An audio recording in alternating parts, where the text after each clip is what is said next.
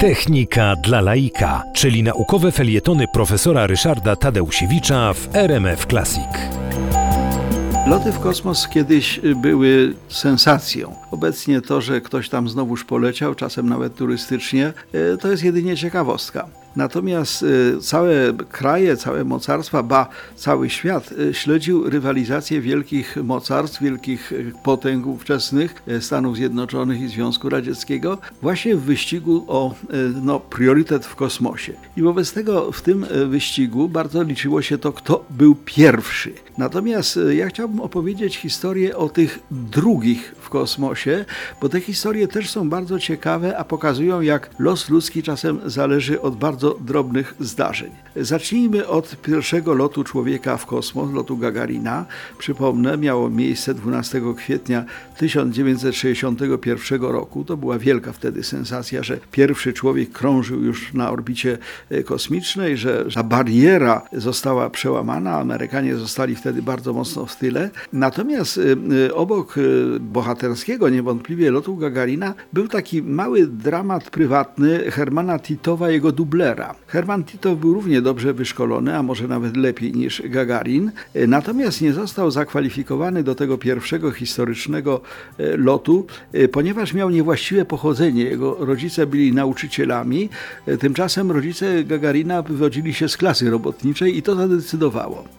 Wobec tego na pierwszy lot, ten, ten bohaterski, ten obserwowany i podziwiany przez cały świat poleciał Gagarin.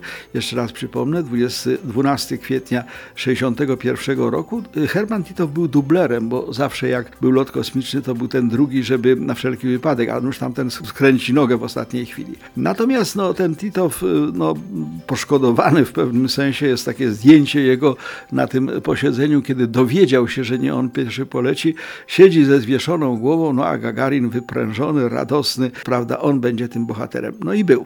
Natomiast Titowowi dostał się lot numer dwa. Wastok numer dwa, statek kosmiczny taki sam jak Gagarina, e, poleciał w kosmos 6 sierpnia 1961 roku, ale e, Titow dokonał w tym kosmosie o wiele, wiele więcej niż Gagarin.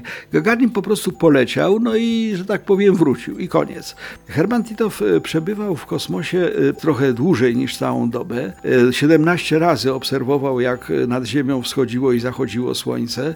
Jako pierwszy człowiek sterował ręcznie pojazdem kosmicznym, e, jadł różne posiłki, te testowe oczywiście, no i między innymi wypróbował spanie w kosmosie, e, co było jednak bohaterstwem, no bo jednak trzeba mieć żelazne nerwy, żeby będąc no właściwie w miejscu, którego można nie wrócić, e, po prostu spokojnie usnąć. On nawet zaspał, co było bardzo, bardzo zabawne. On jako pierwszy sfilmował z kosmosu Ziemię. On jako pierwszy naprawiał na orbicie awarię, bo mu system klimatyzacyjny wysiadł i zaczęło się robić zimno, do, temperatura spadła do 6 stopni, no co było bardzo groźne. Tymczasem kto o nim pamięta? Nikt. Wszyscy pamiętają Gagarina. A Herman Titow, ten, który naprawdę wiele zrobił jako drugi w kosmosie, pozostaje nieznany.